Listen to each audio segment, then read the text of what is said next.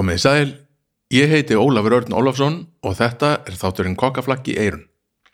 Þessi þáttur er í bóði Ægis Brukkús, þessi þáttur er líka í bóði Vínstúkunar tíu sopa og svo er hann auðvitað framleitur af hljóðkirkjunni.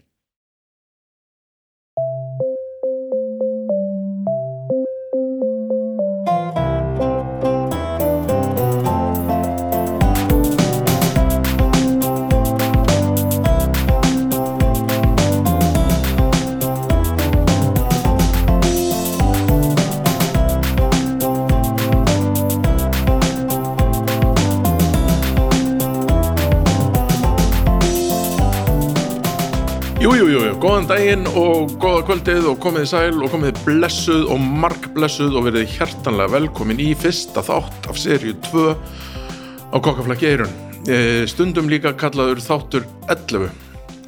Uh, já, já, seria 2 skiptir faktisk ekki neinu máli hvort er seria 1 að 2 við bara höldum áfram bara uh, hverri viku að koma með veistlu, veistlu í eirun fyrir ykkur um alls konar matar tengd málefni þessi þáttur er mikill nörda þáttur skal ég segja ykkur.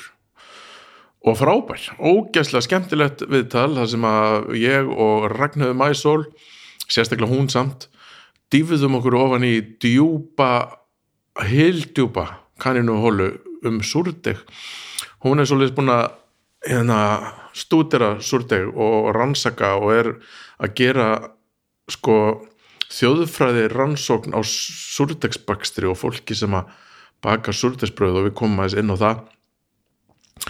Og já, já, einmitt og förum bara að tölum um súrdeg bara vítt og breytt, sko.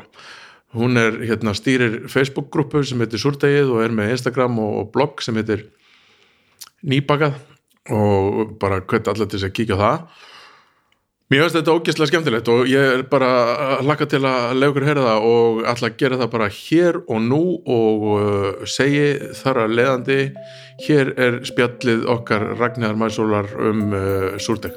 Gjör þið svo vel.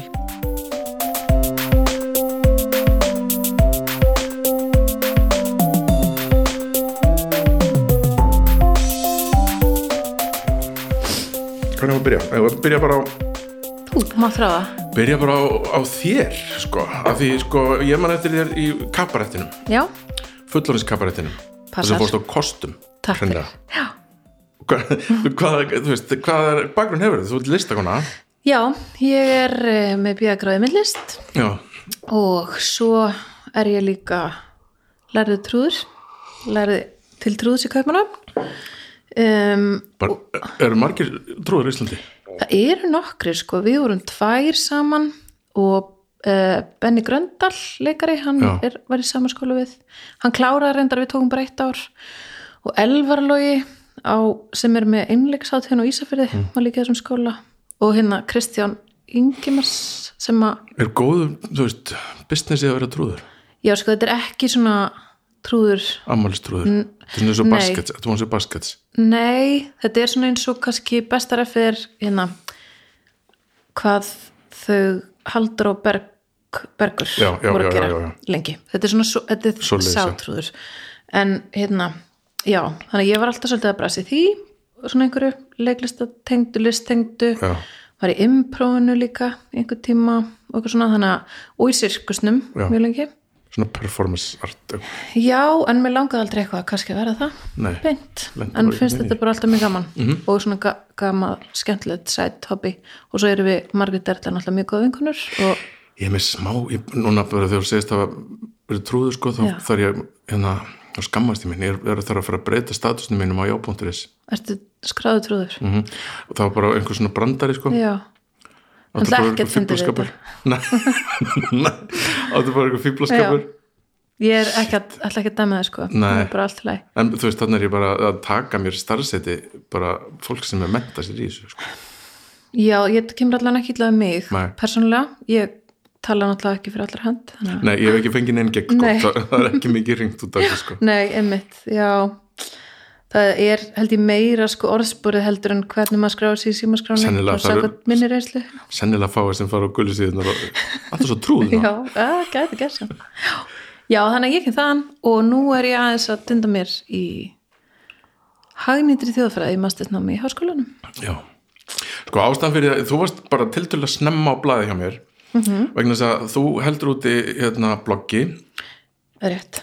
og einhverju bestu Facebook síðu síðar tíma Já, takk fyrir það. súrdegið Já, akkurat. og svo náttúrulega í þessu COVID ástandi þá var annarkvæm maður komið með súrdeg Bara, ég vil langar að segja kannski eiginlega bara hver maður, eða það var mínu upplifun allavega. Já, já. Já.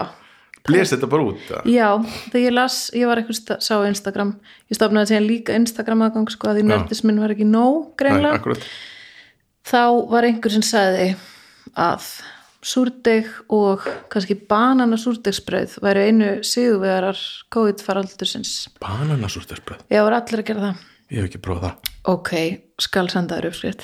Það er bara gegja. er það bara eins og bananabröð nema gertu súra? Já, bara nota bara umfram súr í það. Í rauninna, kemur ekki kannski súrdegsbræði en það kemur svona meira komplexbræði. Mm. Já, en já, ég er sérst með þetta, með þetta, þennan hóp sem, já, hann stakk, hvað, ég er í góð reikningi, ég held að hafa stakkað um 300% í Já, kót. bara, já, bara í mars Já, svo gott sem. ég sjálfur fór í þetta bara einhvern tímann í, í já, vor en þú er einhvern veginn gert súrt já, jú, ég, já, já. ég gerði þetta fyrir kannski gerði þetta svolítið tíma fyrir svona 10-15 ára síðan bara Já. heima með sko þá voru svona nokkrir afdalabændur í þessu nokkrir. já, og svo hérna einhvern veginn var ég ekki nógu döglegur að halda þessu lífi og svona bara einhvern veginn gast upp sko mm. og líka sko svo komu veist, kom Sandholt og voru að gera gott bröð þannig að maður gæti loks fengið gott bröð sko Mhm. en já, hvaðan kemur þessi áhug hvernig, hvernig, þú veist hvað, ok, förum bara að því nú er bara kannski fylgta fólki að lusta sem bara hvað rangar þetta með súrdeg Já, hvað er, hvað er hvað er súrdeg? Mennar það? Já, Já. einmitt. Nú ætlum ég að vanda með að segja bara einföldu útgáðan af þessu. Ekki, Málur flokkin við um næ já, næðan tíma, ég er bara sem þú veist, mað, ég fyrir svo oft í bara hvað, það er þessi litlar örfurur sem er í og du-du-du, en í mjög stuttum máli er þetta upprunnilega leiðin til að láta bröð lifta sér. Mm -hmm. Ger kemur bara í byrjun, hvað, kannski 19, á 20. aldarinnar eða hvað. En gerir líka batterjur, eða ekki?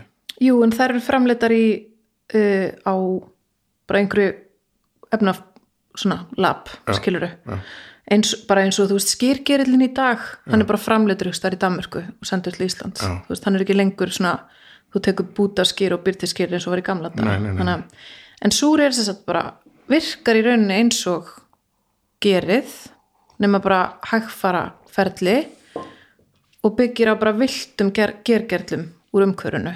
Já. og þú ræktar þá í rauninni í lítilli krukku með kveit og vatni mm. þetta er bara svona gerjunaferli Já, og gerið það sem að, eða sem, þessar örfur þessi en að gera Mhm. -hmm. eru þær nærast á er nær sigri, sigri, sigurtöndun sem að það er sérst mjólkursýru bakterjur í súrdeginu líka þetta er svona sam, samlífi þe þessara örvera Mm. og þú veist það er sagt að eitthvað einni teski á súrdegi eru 50 miljón gergerlar og 5 biljónir mjólkursýru gerla eða eitthvað svona, eitthvað svona stjartfræðilegar ekki það sérst að telja. Ekki það, eða, ég hef náttúrulega talið mín súrdegi, skilur ekki hvort okkur sé ekki það Nei, en það er sérst mjólkursýru gerlarnir brjóta niður sterku í kveitinu eða því mjölu sem þetta nota og umbreytaði einhvers konar sigutegundir sem að gerillin getur borðað Já, og framleiðir koltvísýring sem myndar þessa búblur í bara súr, súrdegsklassunni Já, já, já. og þar að leiðandi liftir deginu En hvað, ertu búin að stútir þetta alveg? Þú veist, þú bara fórst bara og nördaðist, í- þú veist, hvenær eru fyrstu heimildur um súrti heiminn, verður með það? Já, bara, þú veist, 6.000 eða það fer svolítið svona eftir ég held að Michael Pollan sem gerði hérna Cooked og Já. allt það hann talar um, þú veist, 6.000 árum fyrir Kristi eitthvað í Egyptalandi glemdist einhver grautar klessa og þeir sá að hún lifti sér og pröfuð að baka hana og það allt inni kemur en ég meina, þú veist, í þúsundir ára er fólk að baka úr súrdegu er ekkert að sprá, spá í örfur honum í nei. ég meina alveg eins og bara með skýr á Íslandi fólk er bara veit, þú veist, það er bara eitthvað, það er ekki með hitamæli eða neitt, það Nei. bara býr þið skýr eftir bara einhverju tilfinningu og innsæi Já, og einhver hefur óvart bara, hvað gerist ef ég blanda þessu svo saman Já. hérna og, einmitt, eins og bara einhver sem óvart pröfar að brenna kaffiböðnir og Mhm. mala þér og þú veist bara þöksi þeim aðila æfinlega getur samt ekki þeirri óvart hvað heldur þú bara sko, allavega með, þú veist, sagan segir eins og að súrdeg hafi verið daldið óvart af því að það glemdist og þá fór, þá sáu þeir að það hafi lift sér sko ég held, ég er líka alltaf ég er oft með svona vinnámskeið Mhm. -hmm. þannig að ég er búin að búa til sögu í haustum að mér með hvernig vín byrjaði það eru 9000 ára gamlar heimildur um Mhm.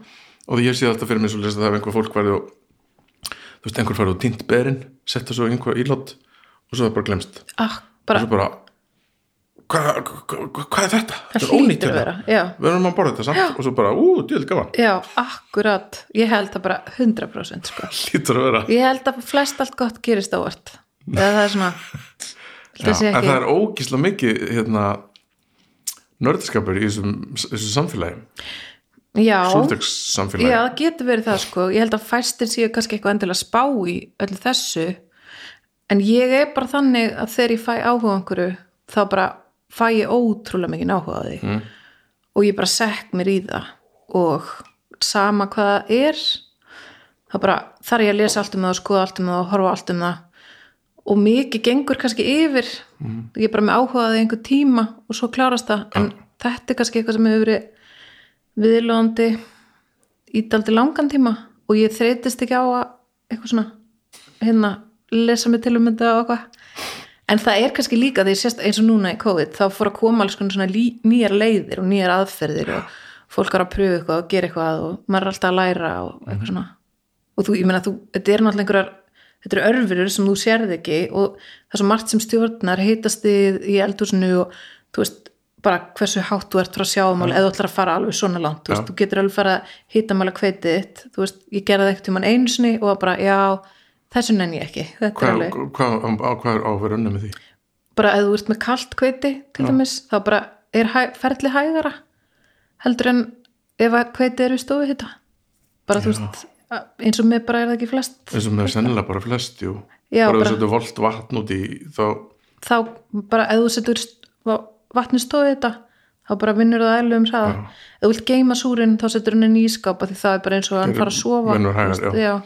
þannig að en svo er náttúrulega líka sko, ástæðan fyrir því að fólk er nördist þessu er þegar þú ert búin að prófa að gera eitthvað þá ferði eitthvað sem er gott bræð já, nefnilega, oftast allavega. Já, og súrti getur verið, það er mín reynsla súrti getur verið bara mjög ljótt og flatt eins og pönnukaka en þú getur samt borða þó það sé ramsúrt og þú veitir ekki neitt. Já, og ég held að það sé ástæðan fyrir að ég hef farið svona ótrúlega djúpt Mhm. í þetta. Ég hef líka fengið svona bara svona það? já, kannski, já svona, nörda þráhyggju mm. en svo þráhyggju kannski fyrir að, þú veist, prjóna eða eitthvað, já, en svo prjóna maður eina peysu og þú veist, þá þarf ég ekki aðra peysu fyrir en bara einhvern tímann. Nei, einhvern tíma setna einmitt, en þarna baka ég bara eitt brauð og það klárast bara sama dag og ég er eitthvað ah, ha, þarf að gera hana jæja, ok, er ég til það? Nú, já, já, Þú og hvað já, lærið því já. svo þegar heldur þú svona logga, þú veist, hvað veist, nú bakaði þetta bröð, það, það, það, það sem hefnaðist í því var þetta og það sem missefnast að þetta, hvað getið, hvað getið breytt? Já, sko, þegar ég er að byrja með nýjar uppskriftir, þá er ég alltaf með svona blað, það sem ég skrifa svona breyturnar já, til að geta séð hvað var öðruvísi. Ef ég bara pröfu eitthvað þá bara pröfa ég að gera eitthvað. Þú veist, pröfa stundum held ég rosalega svona nákvæma svona nákvæmt yfirleiti yfir þetta. En stundum er ég bara búið til bröðum mér er svolítið sama hvernig það kemur út sko. þannig að en náttúrulega hlutaði ég eða veist ástæðan fyrir að ég til dæmis stopnaði þetta blogg var bara fyrir minn eigin nördaskap. Til að ekki til þess að vera með eitthvað maturislublogg fyrir fólk að þú veist að verða einhver áhrifavaldur eða eitthvað, það var bara því ég var eitthvað já, var svolítið þægild að vera bara með þetta á einum já, stað. já, alltaf einu stað. Já, og þurfa líka að koma því frá sér af því ég var svo mikið að spá bara hvað, af hverju gerist þetta? Já ok, ef ég, ef ég þyrst að skilja þessu sem rítgerð til einhvers Já. og það, það þýr ekki, ég hafi eitthvað rosa mikið áhuga á því að þú veist, því mér fannst ekki gaman að skrifa rítgerðir í skóla eða eitthvað en þú veist, þá þyrfti ég að setja þetta á eitthvað mannamál sem bara útskýr þetta fyrir mér, í hausnum á mér. Já, þannig að þú veist, ég er búin að vera með þetta blogg í mörg ár og stundum hef ég kannski ekki uppvarta þú veist í lengi, ma marg, þú veist, bara meir en ár. Það hefur verið bara svona algjört. Og þessi súrtishópur var uppalega hugsaði bara fyrir það að ég var í öðrum matarhópum og þegar ég var frá að hugsa bara eitthvað svona ó, ég get ekki alveg fara að setja einna, þú veist, tóltu súrderspurninguna í þessari viku inn á annan hóp sem fjallar kannski bara um einmitt eitthvað svona, hérna samtöku matselt annar ríkja eða eitthvað, já, ég, já. nú þarf ég bara ég þarf greinlega einhvern vettvang og kannski líka aðeins bara þú veist, að því maður minn er mjög hérna stöðningsríkur í þessu en hann kannski hafði ekki svona áhuga á því því ég var eitthvað, oh, sjá, heyrðu what, hvað gerðist, er pottu og hann er bara, já, ok, vá, einmitt ég veit ekki neitt og ég skil ekki neitt og bara en fló já, flott, einmitt, áhugavert vá, bara, má ég, nú, má ég fara núna? Þannig að það voru svo gott að fá svona nördavettvang, sko. Já, og þetta er frábært sko, mér finnst þetta hérna, að það, er- er ekki svo jágætt og þakklátt og, já, og öllum spurningum svara bara hreinskilni, það er ekkert eitthvað svona, ok, það er alltaf eitthvað smá grín það er ekkert mikið grín sko Nei. og það er ekkert, þú veist, það er ekkert þú veist, ef einhver sendir mynd af flötu brauð og sér hvað gerir vitlaust, þá kom engin hlækallar sko, Mhm. Nei. þetta kemur bara að prófa þeirra að gera það verður svona eins og er bara í súrtiseiminum það verður stundum svona skiptist fólki fylkingar eða svona það má aldrei hella súr það verður að taka súr, Já, það verður já, já, þetta má ekki þarft ekki að gera svona flóki þarft, eða svona, það verður svolítið svona sko Já. en mér finnst það bara að segja mikið um súrtisbaksutur að hann er svo ótrúlega persónulegur Mm.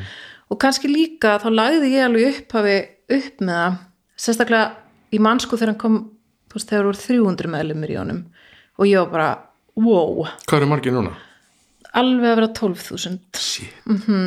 þannig að í upphafi þess að þá var ég daldið að reyna bara ef ég sá posta hanga inni lengi af því ég var þá náttúrulega bara daldið mikið að byrja sjálf. -hmm. en þá reyndi ég samt að svara til þess að, til þess að hópurinn myndi haldast virkur og vera duglega læka og eitthvað svona til að halda nú gangandi og bara svona hafa einhverja basic þú veist, þetta sé bara umræðu vettfangur og þú veist ekki auðlýsinga vettfangur og allir séu bara jákvæðir og við erum við bögum ólíkt og eitthvað og það hefur bara gerst svolítið lífrænt sko. En svona uppalega þá var ég svolítið mikið að passan myndi svona já að fólk myndi ekki setja inn spurningu og ekki fá svar við henni og svona líka COVID þurfti bara að taka saman svona pósta því þá kom kannski á einum degi þú veist kom kannski sjösunum spurningin hvernig starta ég súr? frá mismundi fólki. -hmm. þannig að þá, þú veist, taka saman einhver upplýsingapóst og Mér eitthvað finnst það mjög skrítið að setja það inn í svona grúpu vegna þess að böndum ekki bara að googla. Jú, en ég held að sumir viti bara held að Facebook sé Google en ég skila líka alveg, þú vilt, þú ferð og lest eitthvað bara og það er bara eitthvað endalusar ólíkar leiðbynningar, af því það er náttúrulega Já, já, eru það er- aðferðir og eitt segir bara settu, þú veist, þúsund grömm af hveit og vatni saman og skildu það eftir eða eitthvað, meðan annar er eitthvað Já, talaðu daglega við krukkuna eða eitthvað svona, maður bara, what, hvað ég að gera? Já, hvernig, er hvernig að startað þú þínu? um, fyrsta sem ég startaði þá fór ég nú bara eftir einhverjum leiðbenningum sem ég fann á internetinu sem að voru ógislega flóknar. Maður átti eitthvað að vikta krukkuna og Já, vikta, sama hér, ég já, það var sennilega sama. Já, þetta var samt bara eitthvað random yllum sett eitthvað. Um, og það gekk bara vel og ég var með ána með hann. Svo fór sirkusinn í, og ég fór með sirkusinn á sirkusferðalag Já. og bara mömmu að geima súrin og hún sko heimilisfræðikennari. Og hún var bara, hann, hann er ónýttur ég hent honum og ég bara fekk mikla tragedíu. Um, og hún fekk afleggera fyrir mig. Það er líka eina minn á síðinni Já. Hvað er ég núna? Það fyrir að fljóta brúnt já, einmitt, að því fólk veit, þú veist, veit ekki hann er bara, er að gerjast en það er svona já, hún kemur upp mjög oft. Og það er mjög sett hvað fólk gerir þá veist, það er bara svona þannig að, já, þannig að nú, nú súrin sem ég er með núna er afleggjari af súr sem einhver átti og nei, einhver ár Þú veit að sko svo ertu búin að hella þér og þú ert stútir þetta mm -hmm. sagður mér um daginn. Já, uh, til dæmis bara hva, hva, hvernig var þetta? Þú ert að, þú ert að stúdira félagskap fólks við súrin sinna já, eða sko tengingu fólks við súrdegi sitt. Eða en svo til dæmis það er nefna, það er, er algengt að fólk nefni ég er sko sérst að rannsaka í þjóðfræði lokaverkefninu mínu mm. svona tengingu reyndra súrdegsbakara við súrdegi sitt og ég ákast að taka það að því að mér finnst þegar maður kemst yfir einhvern ákveðin kabla Mhm. og hættir til dæmis að spá í maður er bara eitthvað vábröðið mitt fekk ekki eira eins og fekk einu svona heldur þetta er bara eitthvað ferli þá, þá verður viðhorfið til bakstusins og tenging, allavega mín persónlega upplifun er þannig að af hverju ég baka það er önnur ástæða heldur en af hverju það var upphafi veist, þá var þetta eitthvað svona alltaf að reyna að læra meir og gera betur og skilja hvað gerði, fór úrskeiðis en þannig er þetta orðið bara eitthvað svona ferlið gefið mér eitthvað og þú veist, bara gegga þegar brauðið verður gegga en það bara er brauðið og það er gott að borða þá er þetta er bara svona meiri hugleysla þú veist, einhver hjartenging í því að vera komið með eitthvað deg um, en já, ég fórst er sérst nýbrið að rannsaka þetta og er bara nýbrið að taka viðtöl og þetta verður eitthvað svona hægfara ferli líka þetta lokaðarkefni um, sem er mjög viðöfandi Já, nefnilega. Við í út af súrdispastrinu sko. já þannig að hérna, og það er einmitt svona alls konar rosalega áhugart við þetta eins og fólk svona fólk nefnir súrin sinn og í COVID kom spurning bara hvað heiti súrin ykkar og mér fannst þetta rosa áhugart og las Já, þráður. flott þráður. Margir þórólvar margir sem heitir Já, Víðir já, já. margar ölmur.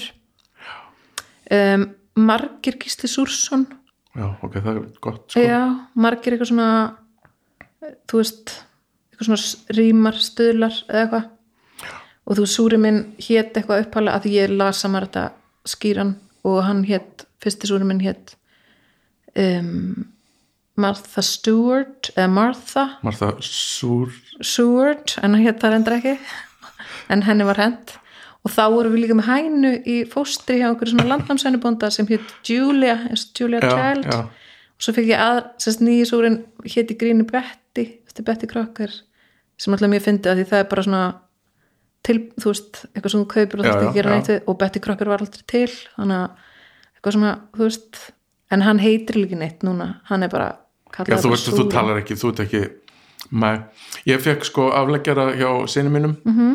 sem að átti gerlögu. Ég sé það líka, já. Og þú, dóttir gerlögar heitir Gerstrúður mm ég veist, ég veit minna gerði já, líka. Og annað þessu sem ég slíka mjög áhugavert er svona einhver vikt sem kemur í sögunni með súrnum. Eins og það er til dæmis súr sem er kallaði baskasúrin sem kom með einhverjum að ég best veit þá var einhver sem kom með norrænu að vinna á seyðisfyrði kom með einhvern eldgamlan súr með sér sem einhver fekk afleggjar af. Bara einhvern tíma fyrir 100 ára síðan eða Nei, nei, bara núna nýlega því súr getur náttúrulega, þú veist, það var- einhver að bleit upp í súr sem fannst, þú veist mörg þúsund ára súr á Reykjaftalandi þú veist, að því þeir leggjast bara í dvala þannig getur þú gengt hann. Um, en síðan svona að því ég er svo mikið að skoða þetta og er mitt hluti af rannsóknarverkefninu mínu og það er að maður er þannig bara að lesa rosa mikið þannig ég var að lesa einhverja líffræði rannsóknir um þú veist, að þú tekur súr sem er komin, að því, þegar súrin er að þroskast þá næra hann einhverjum ákveðnum stað það sem að uh, örfurnar komast í eitthvað ákveð jafnvægi og svo ertu bara að viðhalda þessu jafnvægi þegar þú ert að gefa hann að borða. Og þegar hann er komin í þetta jafnvægi þá faktist skiptir ekki máli hvað hann er gamall já, ok, nú er ég samt með eina svona praktíska spurningu mm -hmm. ég gleymi oft sko -hmm. að gefa hann að geta -hmm. og kemur hann svo bara á stað og eitthvað, það virkar hann auðvild alltaf er það, þú veist væntanlega er betra að muna eftir þessu reglulega ég veit ekki Nei, ég held sko allt sem ég bara maður þarf að gefa börnunum sínum reglulega já borða maður þarf að gera það sko en það er aðeins öðruvísi held ég eða allavega sem betur fyrir mínu tilfelli þá er það og svona ég man kannski oftar eftir en ligguð að gefa súrnum mínum að borða eftir en kettinum. Já, en en hann lætur vita af sér sko gotturinn, já hann gerir það en súrin er ekkit hann, hann, þá er það bara hægfara döði já, og svo bara en nei sko ég held að þú getur alveg það þarf svo ótrúlega mikið til að drepa hann já hann þarf kannski svolítið tíma til að jafna sig Mhm. aftur en það þarf bara já, pínugjörgjastlu og þá verður hann bara Já. góður aftur sko já bara hella af honum, Mhm. skilja bara smá skvætt eftir það er svona, það sem ég finnst vera núlstillan einhvern veginn þannig að, já þetta er sko svona, það er mjög áhugast hvernig fólk eins og því finnst rosa bara svona, einhvern tímann kom inn á hópina, einhverju var með einhvern gamlan súr sem hann hefði fengið einhvers stað frá 100 ára gamlan súr og þá er fólk alveg bara ég er að baka þetta úr. Svona setur útrúlega mikla vikti mm og þú veist, það er hérna Ottomathús á Höfn. já, þeir eru með súr sem er frá Alaska. Mm. og það er ótrúlega frægur súr. Af því að gullgrafarar heldur sér á lífi með því að vera með þeir voru með súr og voru að baka brauð. Og því það var svona eitthvað sem þeir gáttu flutt með sér vi, vissa væri og afleggjarar þessum súr hafa farið út um allt. Og hérna og það var sérst þjóðfræði professorinn minn upp í háskóla fekk afleggjara frá vinnu sínum af þessum Alaskasúr og gaf Otto. Þannig að það er bara mér finnst þess að fallegt að súrin eigi svona sögu. Já, og mér fannst rosalega fallegt líka það var einhver svona, einhver heimsbyggingur sem að var að skrifa núna í morgunblæði í COVID að súrin er svona algjör viðspyrna við hvernig hagkerfið hugsar. þú veist, það er bara alltaf næg uppspretta. Og ég get alltaf deilt honum að hann heldur áfram að fjölfalda sér. Þú veist að því er ekki að ég- ég skipt honum í tvent og þá á ég hel mikið minna. Þannig að fólk er, hefur ég til dæmis oft verið spurð hvort ég vilja selja súr og ég, það er bara, ég vil það alls ekki. Ég vil bara fullkomlega gefa hann og það finnst mér bara frábært, ég myndi bara aldrei selja hann. Það bara skrítið. Já, ég er sammála, það er mjög skrítið. Mhm. ég skil það alveg ef þú ert bara að reka bakari og þetta getur bara verið hluta af einhverju Mhm. En bara ég sjálf myndi ekki minnst það bara mjög skrítið. Og bara að því þetta er bara þú þarft bara eina teskið þá Mhm. getur þú það getur haldið áfram. Já það skiptir mig máli skilur enda líka það er eitt af því sem svo fyrst og fallit á þessari Facebook síðu. Mhm. þá bara, hérna hver á algjör það, þá bara, já, Mhm. kíkir ekki bara hérna upp í kopa og já, eða bara ég er hérna fyrir norðan, já ég er þessu postnúmeri þú veist, já ég er eitthvað svona já, það minnst það og mér finnst það mjög fallegt þennan hóp og hann er alveg svona mjög hérna svona stiðandi samfélag. En hvað er þetta, þú veist, þú ert að rannsaka getur við farið þess bara gegnum rannsóknina? Eða svona, hva, hvaða niðurstöðu vonast þess að fá? Ég veit ekki, nei, maður veit ekki þegar maður byrjar. Ég er bara, ég er kannski svolítið svona út frá sjálfur mér og hvernig mér líður þegar ég baka. Um, að því mér finnst mér áhugast af hverju bakar fólk súrdeg og súrdegsbrauð þegar það er í fyrsta lagi meira vesen en gerbrauð. Já, við vitum náttúrulega eða svona súrdeg er hotlara en gerbrauð og við meldum það betur þannig að þú veist en þetta er ókslega langt ferli. Þú getur kannski gert gerbrauð á, eða ég, ég reyndar ekki bakað gerbrauð bara, ég veit ekki, síðan í grunnskóla eða þú getur gert á einhverjum tveim-þreim tímum.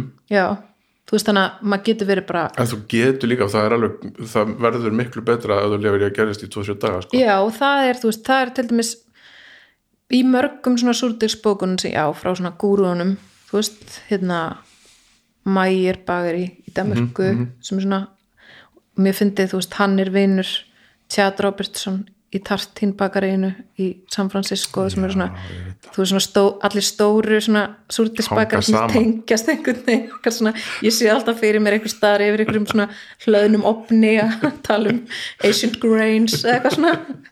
En þú veist, Mægir er til dæmis skátt geggja bók sem er uppáhaldsbókin mín og í þeirri bók er hann bara mjög oft með uppskriftir sem eru með, þú veist, tvö grömmum að gera eða eitthvað. Og þetta verður algjör dogma í súrdegshopnum oft fólk er bara eitthvað brauð með gerir, alls ekki súrdeg eitthvað og þú veist, það er svona bara, það er bara geggja að fólk hafa svona sterkar skoðanur á þessu fyrst mér sko Já, það er frábært, sko. Já. Ég sé, mér, mér finnst þetta algengara í, í sætabröð, að sé, hérna, að maður, ég baka um daginn, hérna, snúða og ég, Mhm. hérna, hamburgarbröð, ég þarf aðeins að komast að hvað klikaði verið ógislega góða bræðið, það var mjög þung, sko. Mm -hmm. Það blés ekki nú út, sko. Já, En ég þarf að baka það aftur bara, mm -hmm. sem ég get gert. En mér finnst, ég, sem sagt, uppskriftin kallaði eftir geri, ég bæti ekki við geri. Mm. -hmm.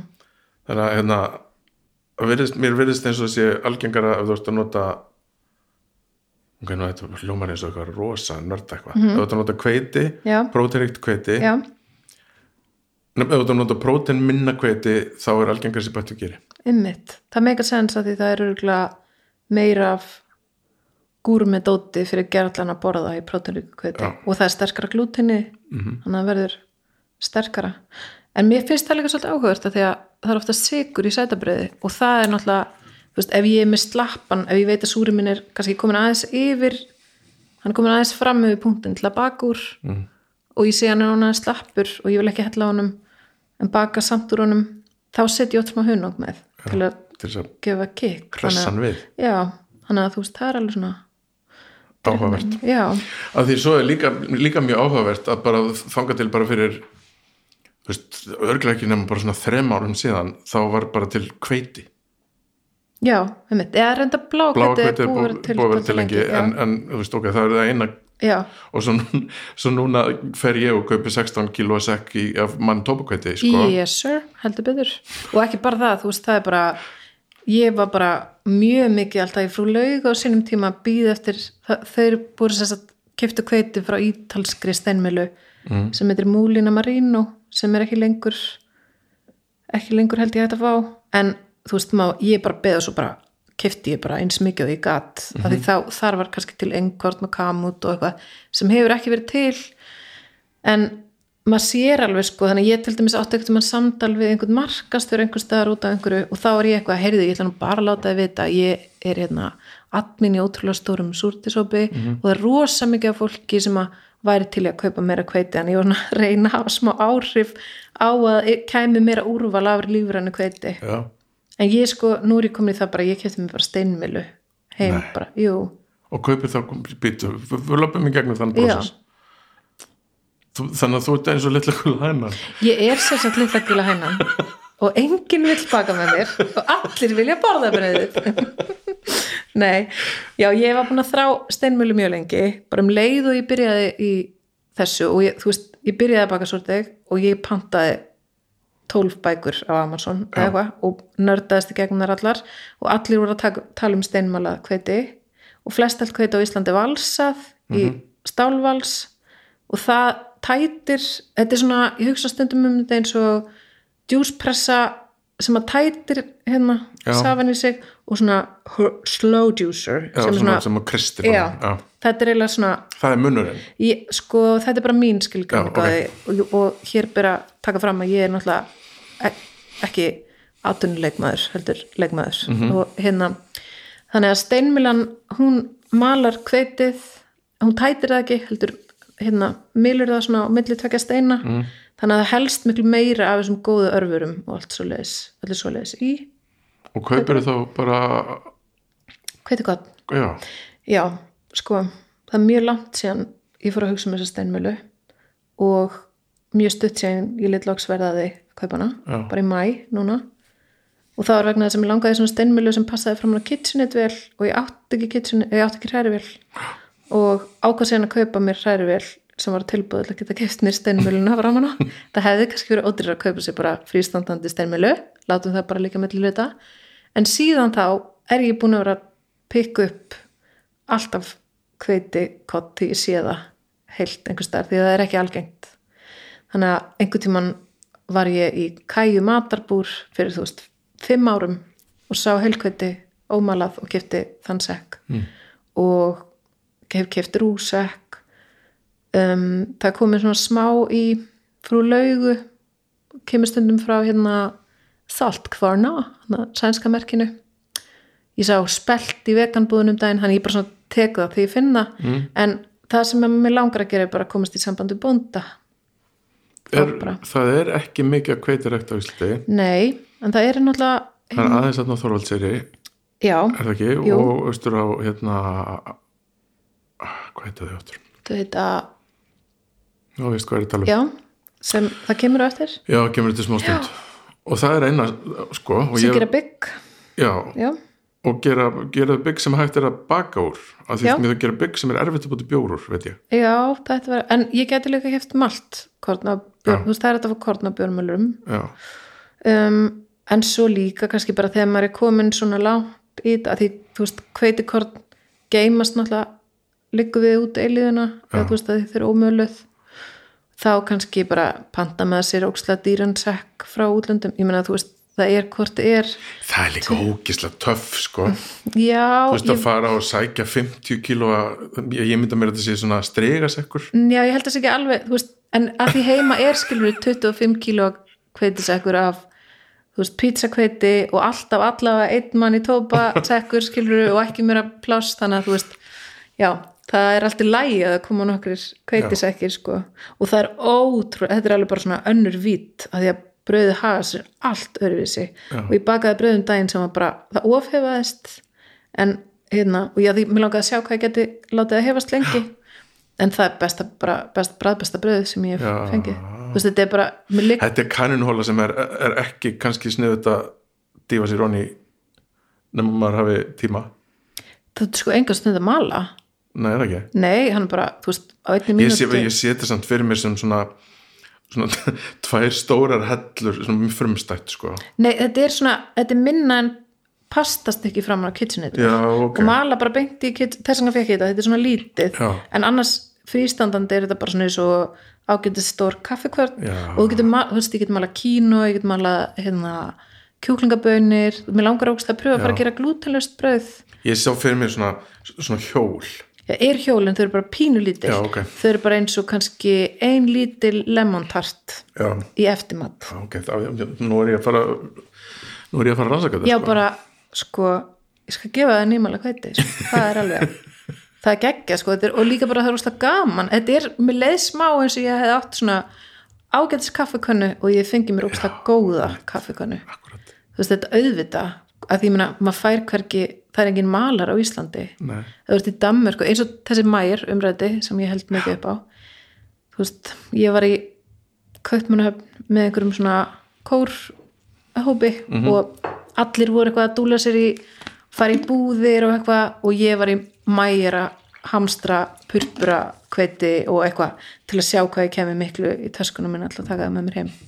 Já, í bakarínu þannig Já, og allir bara eitthvað ég var að köpa með buksur, ég Ég kefti heilkorna emmer kveiti og allir bara ok, já, já. En við erum komin stutt í þessum kveitipælingum og það Já. er kannski vegna þess að við erum ekki einhvern veginn það er ekki partur okkur kúltúr það er ekki brauðhæð á Íslandi, Nei. það er náttúrulega málið. Við vorum bara kartöflu þjóð.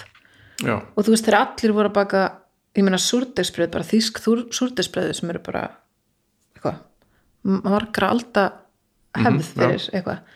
Þá voru við ekkert að mala neinn kveitu ég hef heyrt að einna, fólk reynda mala úr tímann. Já, en það er vist eitthvað svona um, gæti hafa sest eitthvað sveppur á það og þess vegna var fólk bara var svona ofskinjanir og þetta er eitthvað svona einhver þetta verður gott partibrauð sem hafa þess. Gott partibröð sko, en þetta er eitthvað svona víst á svipuðu svæði og svona fólk varð mjög svona galdrasjúkt án þess þó að ég, eitthvað svona, þetta er bara eitthvað sem ég heyrið einhvers staðar, þú veist, þannig að er Já, svona, þannig að, þú veist, okkar bakaríshefð Mhm. hún kemur sennilega bara öll beint frá ragleiðis frá Danmarku öruglega ég veit hann alltaf ekki, sko, þekki hann ekki nóg vel Nei, ég, bara ég held að meirum en að öll okkar svona matarhefð kom frá Danmarku Mhm. þú veist, öll matarislu þú veist, kokka veitingastaða Mhm. og svona meiri sér heimilismatur eitthvað, ég tala um önnur ákvöldar um, um, um eitt svona sögu matar á Íslandi Mhm. og mjög, mjög margt af þessu kemur frá Danmarku og þaðan kemur það frá hérna, Európu, Frakland og eitthvað Mhm. þannig að ba okkar bakarís gömlu bakaríin eru sennilega bara eins og gömul bakarí voru í Danmarku menn eru svona bara elstu, elstu já, já, já já, og, veist, og þegar ég var krakki sem er ógísla langt síðan þá voru brauð voru brauð og maltbrauð voru Mhm. bara allstað sko. -hmm. ég velti fyrir mér hvort að hafi verið notað súra ger sko, mér finnst það mjög áhugavert til dæmis að því danst rúbrið er mjög oft gert úr súrdegi, það er bara alveg í svona gömlum dönskum svona já, húsfrú bóa eitthvað, þá Já, er akkurat. bara þá er mjög oft súr. Þannig að mér finnst mjög áhugavert að það hafi ekki komið með en Nei, það sem ég velti fyrir mér er hvort það hafi komið með og svo hafi einhvern, tíma verið bara hægt að nota einmitt. af því að það er auðveldar að nota bara ger Já, sko mér finnst þetta náttúrulega mjög áhugavert og þetta líka, þetta er svona þetta tengir líka saman bara svona það sem ég hef áhuga á í þjóðfræði að þú veist, allt með innbyltingunni Mhm. þá bara vildum við fara að gera allt hraðar og náttúrulega rosa erfitt þegar það var bara súr og þú þurfti kannski að baka þú veist, þú þurftir að baka þú veist, einhver bakari að baka fyrir hverfið þitt og segjum að eitthvað klikki í ferlinu sem er líka ógstlega langt þá er bara heill dagur farin fyrir sú og brauður ekki nóg gott og fyrir líka húsmaður sem að voru heima og þurfti þá að vera standi yfir einhverju svona brauði allan daginn til að vera vissum að eiga brauð fyrir alla vikuna. Og síðan alltaf kemur gerin og ekki bara er hann fljótari heldur það er auðvöldra stjórn, stjórnunum Já. þannig að þú getur svolítið garanterað að þú sérst að fá eins brauð út úr þessu ferli og svo finnst mér mjög áhugavert svona eins og Michael Pollan skoðar til dæmis að í bandaríkjunum þá faraði frá því að vera með bara súrdersbrauð svona heilkveiti eða eitthvað svona, allavega eitthvað svona næringaríkt brauð sem að, sem að verður fyrir saltar af súrdegi það, það eru meiri steinefni og meiri vítamín mm. því að súrin nýtir það betur að því að hann brýtur þess að sterkinur þannig að það er formelt fyrir okkur og allt þetta og í bandarækjunum allavega þú veist, faraðið yfir í eitthvað svona að fara að gera hvítan brauðleif sem er, þú veist bara á endanum er ekkit eftir í honum af neinum þessum upprænlega efnum Já. þannig að þau eru farin að bæta endalust við, þú veist, að þið er búið að hvíta kveitið er auðvildast að baka úr því að því það er líka hægt að stjórna því, það er alltaf minnst næring þannig að þau gerir hennan Wonder Bread Já. sem bara með 25 viðbættum aukaefnum í staðin fyrir að baka bara súrdeg sem er með því öllu á náttúrunar hendi þú veist. þetta er bara svona eins og með mjólkina þú veist, allt tekið úr henni og svo sett öllu bætt í hann Já, aftur svo er þetta kannski líka bara þannig að þú þarft ekki að hafa henni þekkingu ef þú Já. ert að baka, ert að baka úr einhverju svona þar sem þú ert bara uppskrift af alls konar ögafnum Mhm. -hmm. og ekkert getur klikkað þannig að mm -hmm. hver sem er getur gert það einmitt og svo held ég bara eins og í rosa mörgu eitthvað sem að hendar okkur ókslega vel að því það hendar að við getum framleitt hraðar og framleitt meira og þar alveg selt meira og þá þú veist þurfa húsmaðinar ekki lengur að þú veist á sínum tíma að vera baka öll þessi bröð þú geta bara keift Wonder Bread og það er bara Já, til veist, mörg ár sko. já, og bara geggjað, þú veist, og það er alveg talað um að fólki fannst geggjað þegar hvíti gerleifurinn kom í vesmiðum og svona, að því þá fór hérna, þá fóru þeir sem unna á færibandinu þurftu sjaldnar að taka klósetpásu að því hann, stíp, hann er bara þetta hvítabröð stíplar allt. Ógisla sniðut samt. Og ég velti því fyrir mér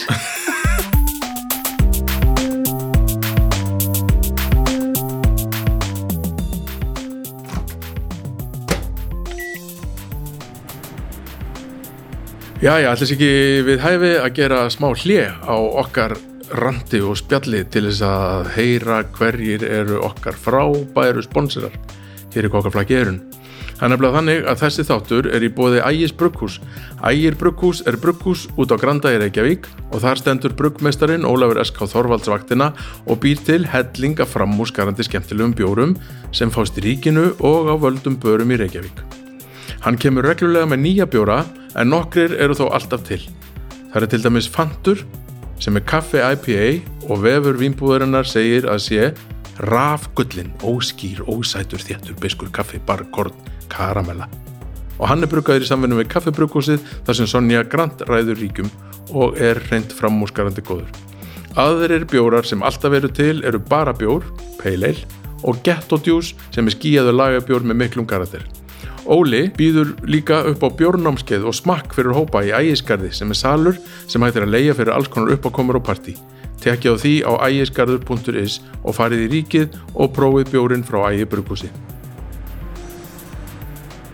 Nú, þessi þáttur er líka í bóði Vínstúkunar 10 sopa. Vínstúkan 10 sopar er kósi lítið vínbar í hjarta Reykjavíkur, nánar tiltekið í kjallarinu við lögu við 27.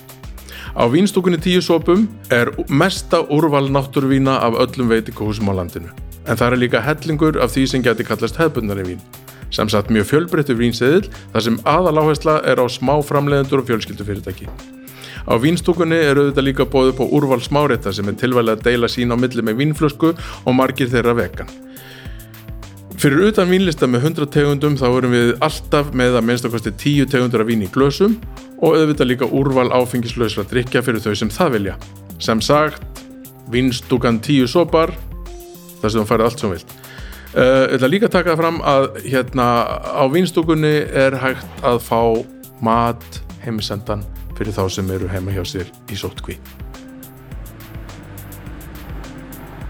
Svo er þessi þáttur auðvitað líka í bóði hljóðkirkjunar sem býður upp á hvorki meirinn að minna heldur en sex framúskarandi hlaður.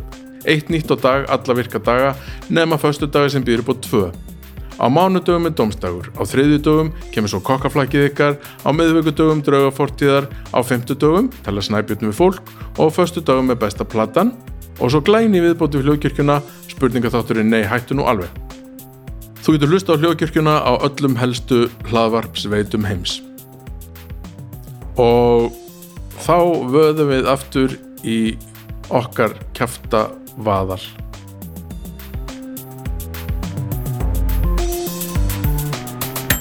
En finnst þér eins og við séum svona komin þangað núna að vilja fara tilbaka í svona, þú veist ekki bara í bröðbastri heldur bara svona yfirleitt í í mörgu, þú veist bara eins og vín sem ég þekki ákveðlega mm.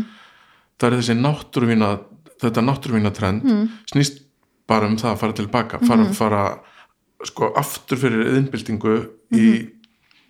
framleiðsluferlinu Já ég sko alveg upp að mömmu sem er mjög um eitt rosa góður góður kokkur og hún gerði alltaf allt eiginlega frá grunni og hún var svona ótrúlega undan sinni, þú veist, það var bara avokado í matinn þegar ég var veist, sem allir voru bara, hvað er þetta Já. og þú veist, ég fór með niður skotna gúrku í næsti skólan sem allir voru bara, eitthvað með grammiti bara, þú veist, maður og svo skrítið að segja þetta núna þegar maður er eitthvað neginn svona, Já. þú veist, það voru allir bara með hæsi og þú veist, Já. Mhm. fransbröð með smjúrósti eða eitthvað og hérna um, þannig ég er sko alveg uppið að gera sem mest frá grunni Já. og einhvern veginn og mér finnst það mjög eðlilegt og ég man alveg því ég gerði fyrst, þú veist, ég flytta heim og alltaf kjöpt bara eitthvað hönds pastasósu Mhm. eða eitthvað og gerði pastasósu og var eitthvað, ó ég skil.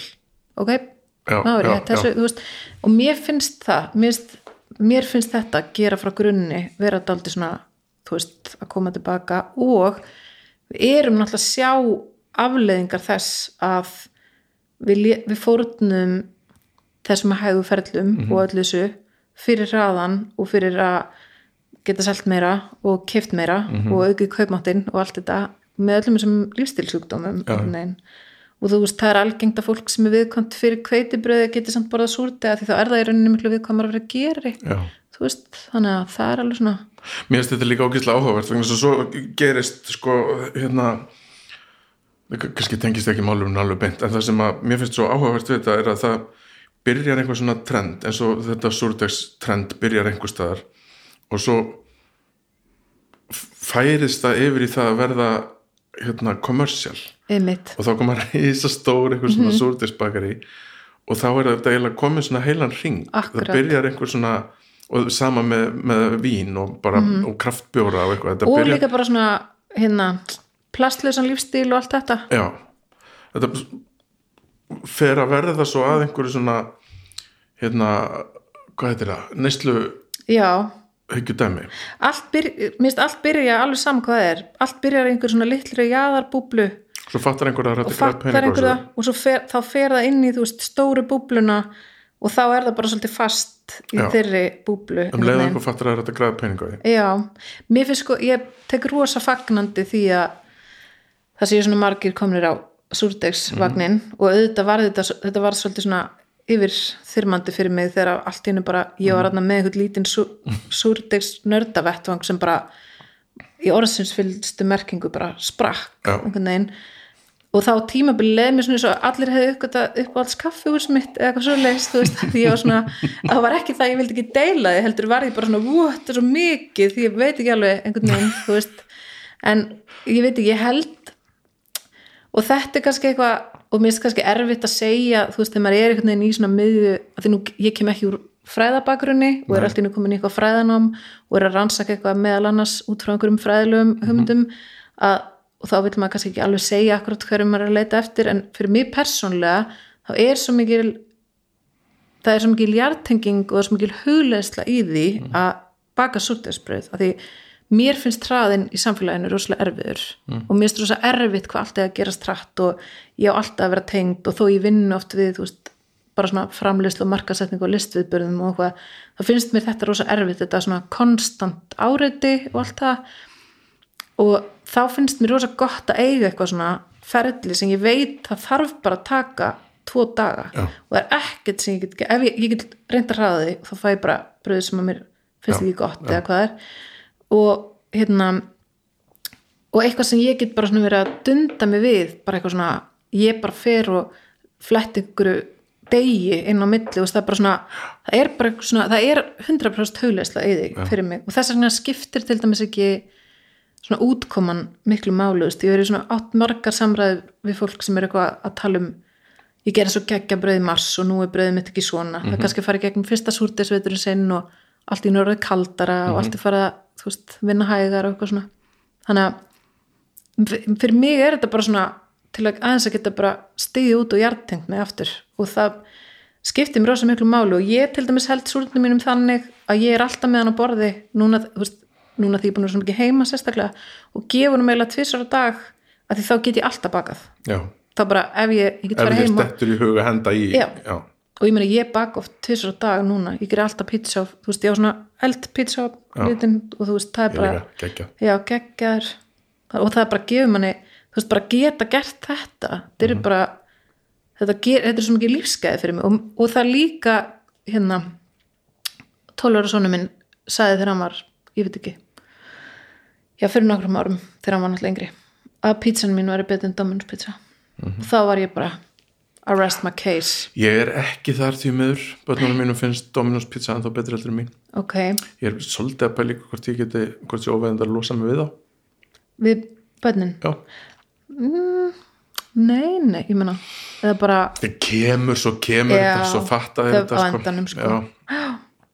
en fólk er hræð það er- þú veist, það eru margir sem eru sko, hvað viltu, hvað viltu segja við fólk Mhm. sem að hérna segir, já, ég get ekki þetta, þetta verður hættulegt eitthvað, Mhm. þetta er svo erfitt, maður þarf að vera svo nákvæmur og maður þarf að, neina, neina, en hvað mér finnst þetta miklu öðuldur en gerbakstur ég nefnilega líka, maður, og líka bara maður nálgast þetta bara með svona pínu fuck it attitude, sko Já, sko, ég er ros, núna er ég með þannig þetta Instagram, er ég með að reyna að kenna fólki að búið til súr núna og það gengur, það gengur verður en það hefur gengið sem Já. mjög fyndið að ég er eitthvað, jæja nú ég að kenna ykkur að gera súr og svo er það eitthvað svona smá klúðrast. Eða það er að komast í gang núna. Og það hugsaði bara, það er bara geggja, fólk sjáu þetta er ekki, Já. þú veist eitthvað, og það, þetta er allt bara fyrir minn eigin nördaskap, Já. þú veist, ég er eitthvað að pröfa að baka bröður sitt hverju svona og mótaði og hvað Mhm. gerist eitthvað.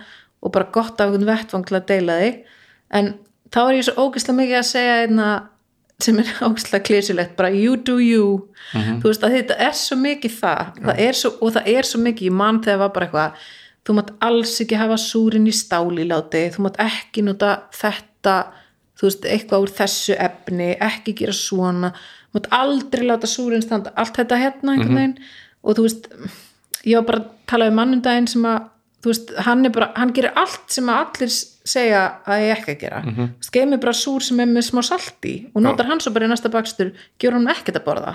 Sem að oft fólk er bara eitthvað, þú verður ekki að borða þrísvar, minnstalagi og bara aldrei, þú veist, allt í þessu Já. veginn, sko.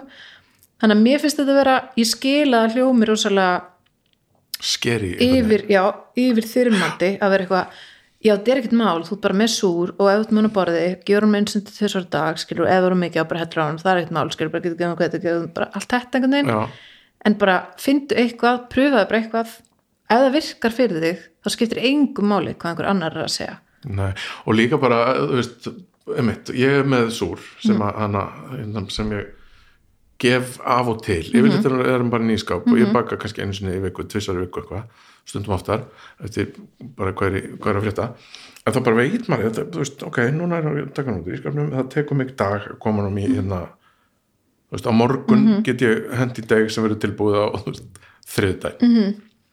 þannig að bara, að, veist, þetta bara, þetta er bara ja, þetta er ekkert svona nákvæmt sko Nei. ég til dæmis vikta, jú ég vikta reyndar vatn og, hveiti Mhm. -hmm. en svo einhver svona korn og svona drast lúti bara eitthvað ég, sko, mér finnst þetta að vera bara og þess vegna er ég kannski ekki góður kennari í gesalöpum eða eitthvað. Að ég myndi alltaf vera bara eitthvað já, þú veist, það er mér reynist best að gera þetta svona. já, já, já. þú set, láti þetta kannski hefast í sex tíma eða þú veist tíu tíma ef, að, ef það er þannig heimi á þér. Eða bara kannski í skap auðnótt, eða ekki já en nú þú ert ekki búin að segja mér neitt. það er alltaf það sem fólk er að leita. Og ég finna að það er rosa mikið. Fólk er bara, ég er mjög ringlað. Eins og núna er þessi aðferð að taka og það er svona daldið nýtt finn ég í sem, þú veist það var svo margt nýtt sem gerðist í COVID sem ég var eitthvað, vá, þessi Já. umræð er fyrirferðað meira núna. Eins og taka bara af 50 gröma súr og gefa þeim já, 50 já, gröma já, vatni, já, já. 50 gröma hveiti og þá ertu með einhvern afgangssúr og sem, sem sumir bara hella og ég hella alveg að súrnum mínum ef hann er orðin óhress Mhm. eða eitthvað en hérna um, en þú veist, ég ger þetta ekki og þá verður fólk svo rugglað og er bara, Já. ha, býtu býtu, hvað menuru? Hva, en hvað gerir þú búin að taka hann? en svo er væntalega líka bara mismunandi eftir eftir því, eftir uppruna samfélagi mm. hvernig, þú veist í Eþjópíu er búið til þetta fyrðulega hérna, gallsúra flatbröð -hmm. Sem er svo skrítið en samt eitthvað svo gott. -hmm. ég ímynda mér að þar sé súrin hann er að vera allt allt öðru sig heldur en já, hann er en látið verða súr. Evrópu, já, já, og örgulega bara þú veist, það eru ótrúlandi ástæður. Ég meina, ef ert- það er úslega mjög skortur á mjöli þá ertu ekki að eyða mjölinu þínu að gefa súrtum að borða. Nei, bara, þá er hann bara eitthvað innihaldsefni sem þú vilt bara sé ágæti standi veginn já, það, og það er mitt það var líka, mér erst líka mjög áhugast það er einhver gaur á Instagram sem var að gefa út bók sem heitir Artisan Sourdough held ég, nei New World Sourdough. Mm. og hérna það sem hann er að ta sérstaklega taka fyrir svona Suður Ameríku og svona það sem ég var eitthvað auðvitað, auðvitað er ógstlega mikið af súrdegi þar. Já. og hann var svolítið að benda á að það er ótrúlega mikil skortur á bara uh, sínileika þú veist, litara bakara það er bara svona svolítið hvíti bakara en dominerar og hann er bara með sinn franska búlei og eitthvað, þú veist og, en síðan er bara, og allir er að reyna að ná þessu ótrúlega loftmikla brauði en súrdi er síðan bara þú veist, það er bara svona eitt brota brota öllu sem þú getur gert og mér þetta, mér láka til dæmis ótrúlega í þessa bók að því þarna opnast ykkur annar heimur á bara eitthvað sem ég þekk ekki og manni finnst svo áhugavert. Þannig að það er svona einhvern veginn.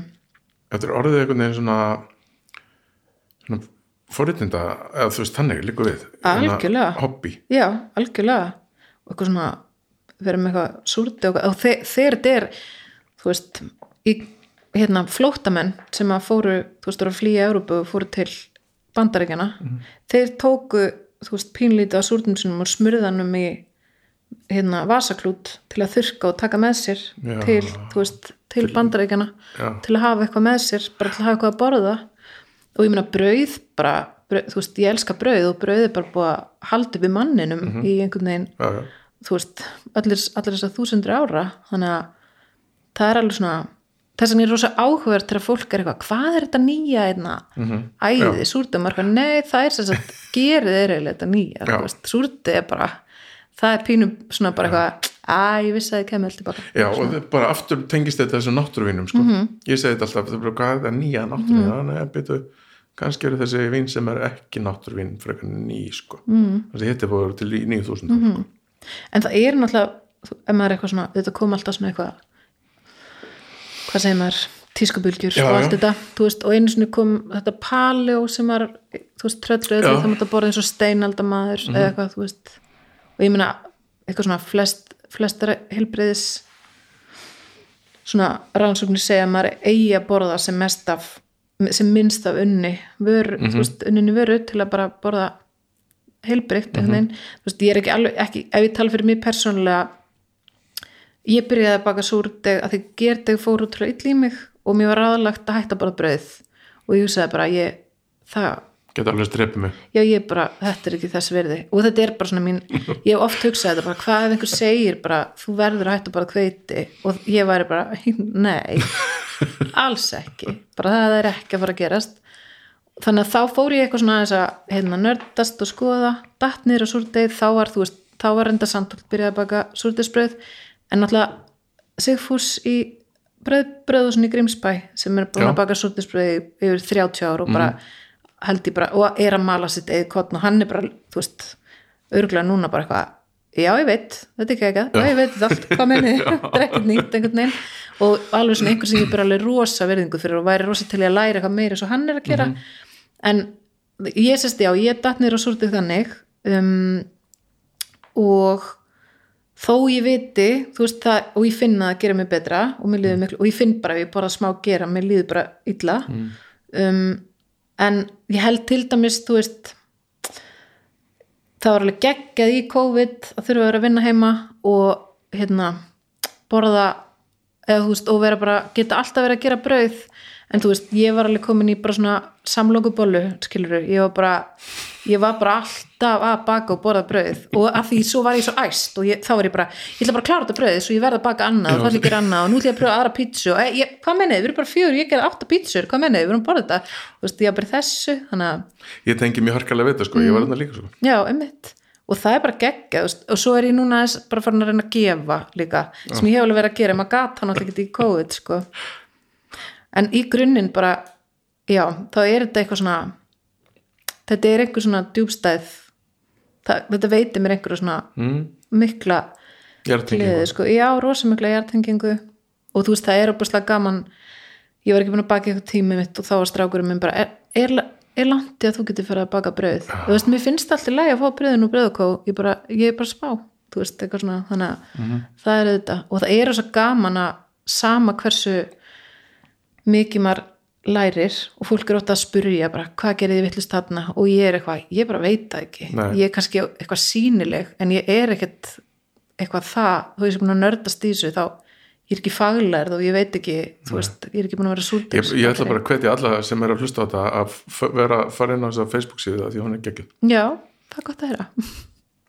En hérna, ertu byrjað að taka viðtöl segir út af þessari rannsók já, ég byrjaði og við hvað, ekki, ég ætla ekki að spyrja þú veist ekki hvaða manneskjur en hvers konar fólk? Hvaða, bara alls konar fólk. Já, og er bara með alls konar fólk á lista, þú veist, bæði er þetta bara fólk sem eru verið bent á fólk sem ég séð bara er búið kannski verið súrtisofnum frá upphafi og ég veit er búið að baka lengi. Og hvaða spurningum er þetta hvað, hvað já, hvernig, Hvað- hvað er ég að hvernig, já, hvernig er Hver, hvað er þetta að spyrja fólk að?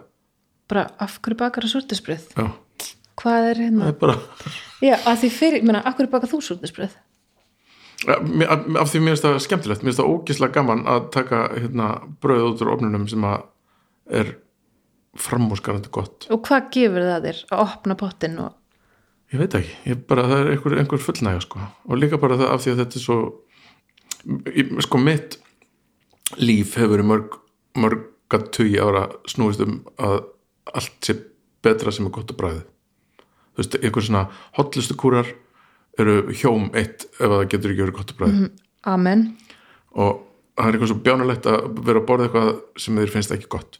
Og þarna get ég borðað brauð sem að ég bý til og það veitir mér einhver svona klappabakið hvað ég er ógislega klára og duglegur að búti brauð.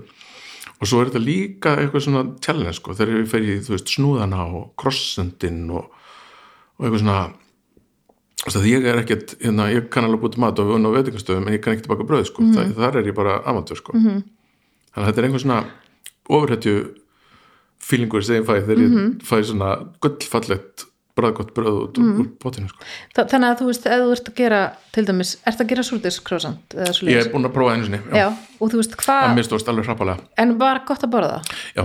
já, en það var ekki gott sko stæn eftir, það var bara ekki lengur gott sko. nei en bara svona þetta, þú veist hva, hvernig líður í þessu ferli bara í, þú ert að sinna þessu ferli? Bara, það, það finnst mér bara mér finnst það mér finnst það bæði verið svona daldið stressandi sko, að takast á við eitthvað svona nýtt en líka eitthvað svona adrenalín, adrenalín já, þetta er svolítið Já. svona adrenalín kick sko.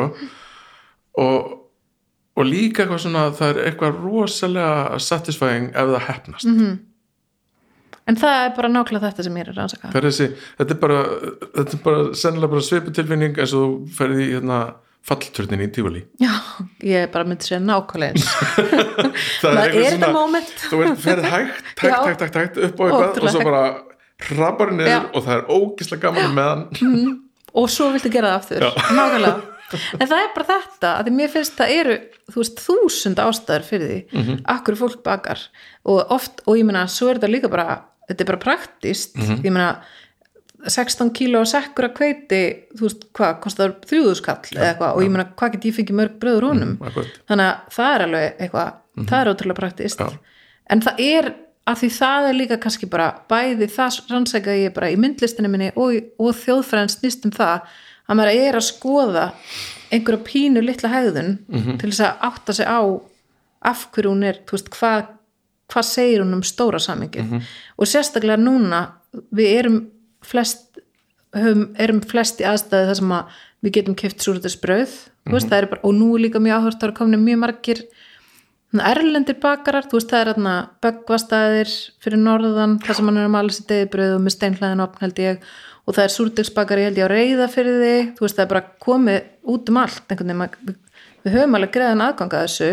Þú veist, en af einhverjum ástæðum veljum við að gera þetta sjálf og það er ekki, við erum ekki að kaupa bröð sem er eins og höndtómatsósan þú veist, þetta er veist ekki, þegar maður, maður ákveður að búa til tómatsósan frá grunni, að því hún er betri að því hún er betri en höndtómatsósan en bröðið sem að, þú veist, bröður og samtólt það er auðvitað betri en bröðið mitt. Já. þó svo að mér finnist bröðið mitt rosalega gott þú veist, þannig að það er líka eitthvað Já, það er einhver svona hérna, eitthvað fullnæja sem að hérna, maður upplifir Mhm. eftir að vera búin að þetta ferðlega er búið sko. og það er eitthvað við það að þú veist það er eitthvað við það að það er einhver svona veist, þetta er sjónrænt, nú er náttúrulega rosa mikið í tísku að vera að skera svona kveitistrá og munstur og eitthvað í bröðið sitt.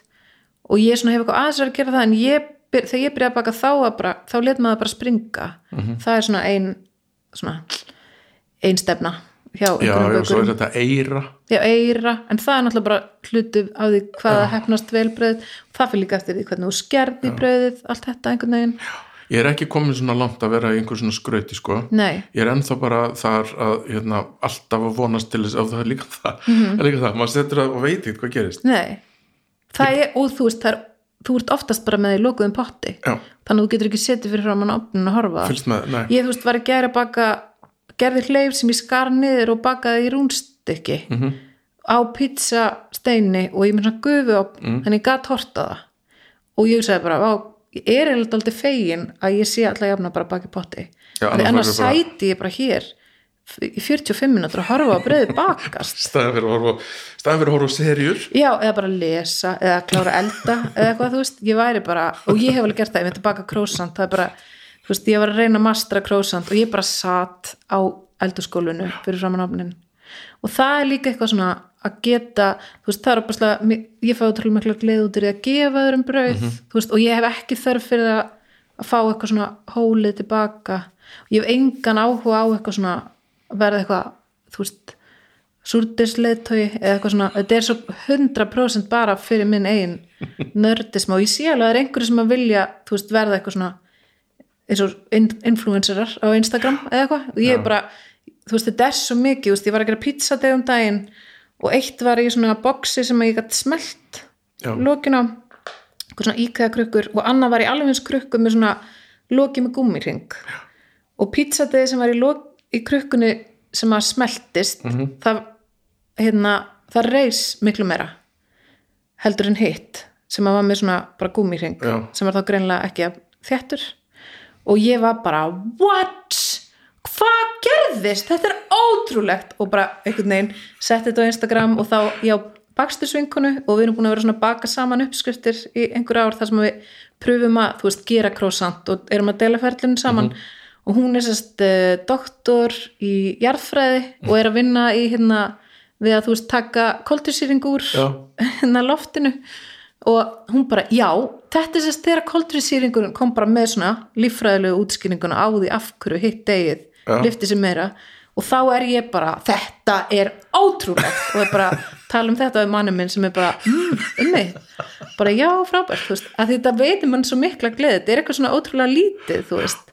Þetta er auðvitað bara eitthvað eins og fólk sem þú veist það kemur nýtt blað á monsturina þina og þú verður bara postaðið inn í stofublóm, pottablóm, minnublóm, plöntur skilur, eitthvað Já, já, ég, ég er, endar, er á því að allur nördaskapur sé bara til fyrirmyndar sko. -hmm. Mhm. ef við hefðum ekki fólk sem nördast í gegnum alkonar þá myndum við aldrei læra neitt sko. Nei, nákvæmlega og það er bara og það er bara, mér finnst bara ótrúlega gaman að vera nörd og ég tek því bara mjög fagnandi og þegar, þú veist, ég fyrir að tala um einhverjar örfur og fólk er smá bara eitthvað þú veist, ég var bara að lesa af mikilli áfergju einhverja greinum dæginum þú veist, það er einhver nunna sem er með doktorskráði í einni tegund af örfurum sem vaks á osti sem hún býr til. Og ég var bara, ok, þetta ég verð að komast til svona doktorsnám. Bara, að mér finnst þetta bara eitthvað það er svo geggja, að geta stútir eða eitthvað svona. Og einmitt, eftir, ég meina ég er búin að baka í átta ár og ég baka ég baka öruglega meir en meðal bakarinn mm. svona, og svo koma tímar þar sem ég baka bara ekki neitt veist, en ég meina ég held í þessari viku þá er ég búin að gera, þú veist kannski fimm brauð og, já, fjögur brauð og sex pítsur og þú veist, eitt bananabrauð og eitthvað rúnstekki og eitthvað, þetta verður bara svona þetta er bara svona þægileg kvild í öllu ára og maður er bara guðmgóður hver er að fara að vera næsti fórsett í bandaríkum ég ætla bara aðeins að baka, ég ætla bara rétt ég ætla aðeins rétt að gera smá pítsu hérna. já, bara, það verður bara svoleið sko. Já. En ég er alltaf ennþá að læra. Og mér finnst það eins og í þessu COVID þá komið eitthvað svona nýtt að tegja degið svona út á borðið já, ég var búin að sjá það. Lamination, þetta hef ég aldrei séð Nei. og ég bara, what, þetta er eitthvað nýtt. Nú er ég bara búin að vera að nördast í þessu ógsla lengi á bara einhverja, þú veist, ég á svona bakarís svona how to bækur. Veistu ekki eins og mm hvað heitir stóra kokkabókin þarna, lu, eitthvað já, hérna Larús já, þú veist, það er eitthvað, ég á einhverju svoleiðis Já. kokkabækur, eða bröðbækur skilur, það sem ég bara lesa bara svona örgulega, þú veist, ég er ekki eins og nanna raukvaldar en svona les kokkabækur skilur, eða svona uppskriftabækur Mhm. á kvöldin sk- bara, og eitthvað, mmm, áhugavert svona mikla prósendur, já, mm, bara eitthvað þú veist, að skrifa þetta. En já, þannig að maður er, þú veist, það er eitthvað nýtt og þá er maður að læra eitthvað nýtt og mér finnst það svo ótrúlega gaman að eitthvað haldi alltaf áfram maður næri ekki neinum þú, nær, þú nærði einu svona baka fullkomi brauð þú veist, og ert bara já, svo er maður alltaf að reyna að ná því aftur. Já, og eða þá er bara eitthvað allt í hún þarf maður að læra eitthvað annað að pröfa einhver aðra fyrir þú mastur hana, þú veist. Ég held að það sé líka bara holdt fyrir fullar fólk að læra einhver nýtt. Það held ég, að bara 100% og líka bara, við, mér finnst ótrúlega gott að, að því þú veist, ég get örgulega verið bessevisir en að vera komin á einhvern stað þar sem að maður, þú veist, ég veit ég geta ekki að því, veist, þa þetta er bara mín leið, svo ert þú kannski að baka bara eitthvað allt öðru, svo þá get ég ekki sagt þig, þú mátt ekki taka súrun út og gera svona, þú veist, maður getur bara sagt já, ég gerir Já, svona, það henda mér. Akkurat, gerir þú þetta svona? Já, af því þú veist það getur bara verið að eldhús þitt sé tveimur gráðum heitar en eldhús Já, mitt eða bara whatever einhvern veginn. Þannig að þetta er, já. En það er ógstlega skrítið oft finnst mér að hafa svona fanatíska nörda áhuga á einhverju sem er bara svona ógesla einfalt. Já, einmitt. Sko, við getum sennilega verið hérna bara í einhvern nokkur dag en við ætlum bara, er ekki bara, er ekki búin að klára þetta bara? Ég Er bara ekki heldur sko. Heldur það ekki? ég er bara, það er ekkit þarf eitthvað við þetta að bæta? Ég held ekki sko. Nei. er það nokkuð, þá ætlum ég bara að segja takk kærlega fyrir að koma hérna takk fyrir mig. Og bara fyrir ykkur sem er að hlusta fariði á Facebook, hvað heitir þetta, er ekki? Súrdegið, já. og bloggið þetta bloggið og Instagram mitt heitir nýbakað nýbagað. Yes, en bara samt ég segi aftur bara gerið eins og þið viljið Já. og bara fylgið einsæðin ekkar 100% Herru, takk fyrir mig. Takk sem leiðis.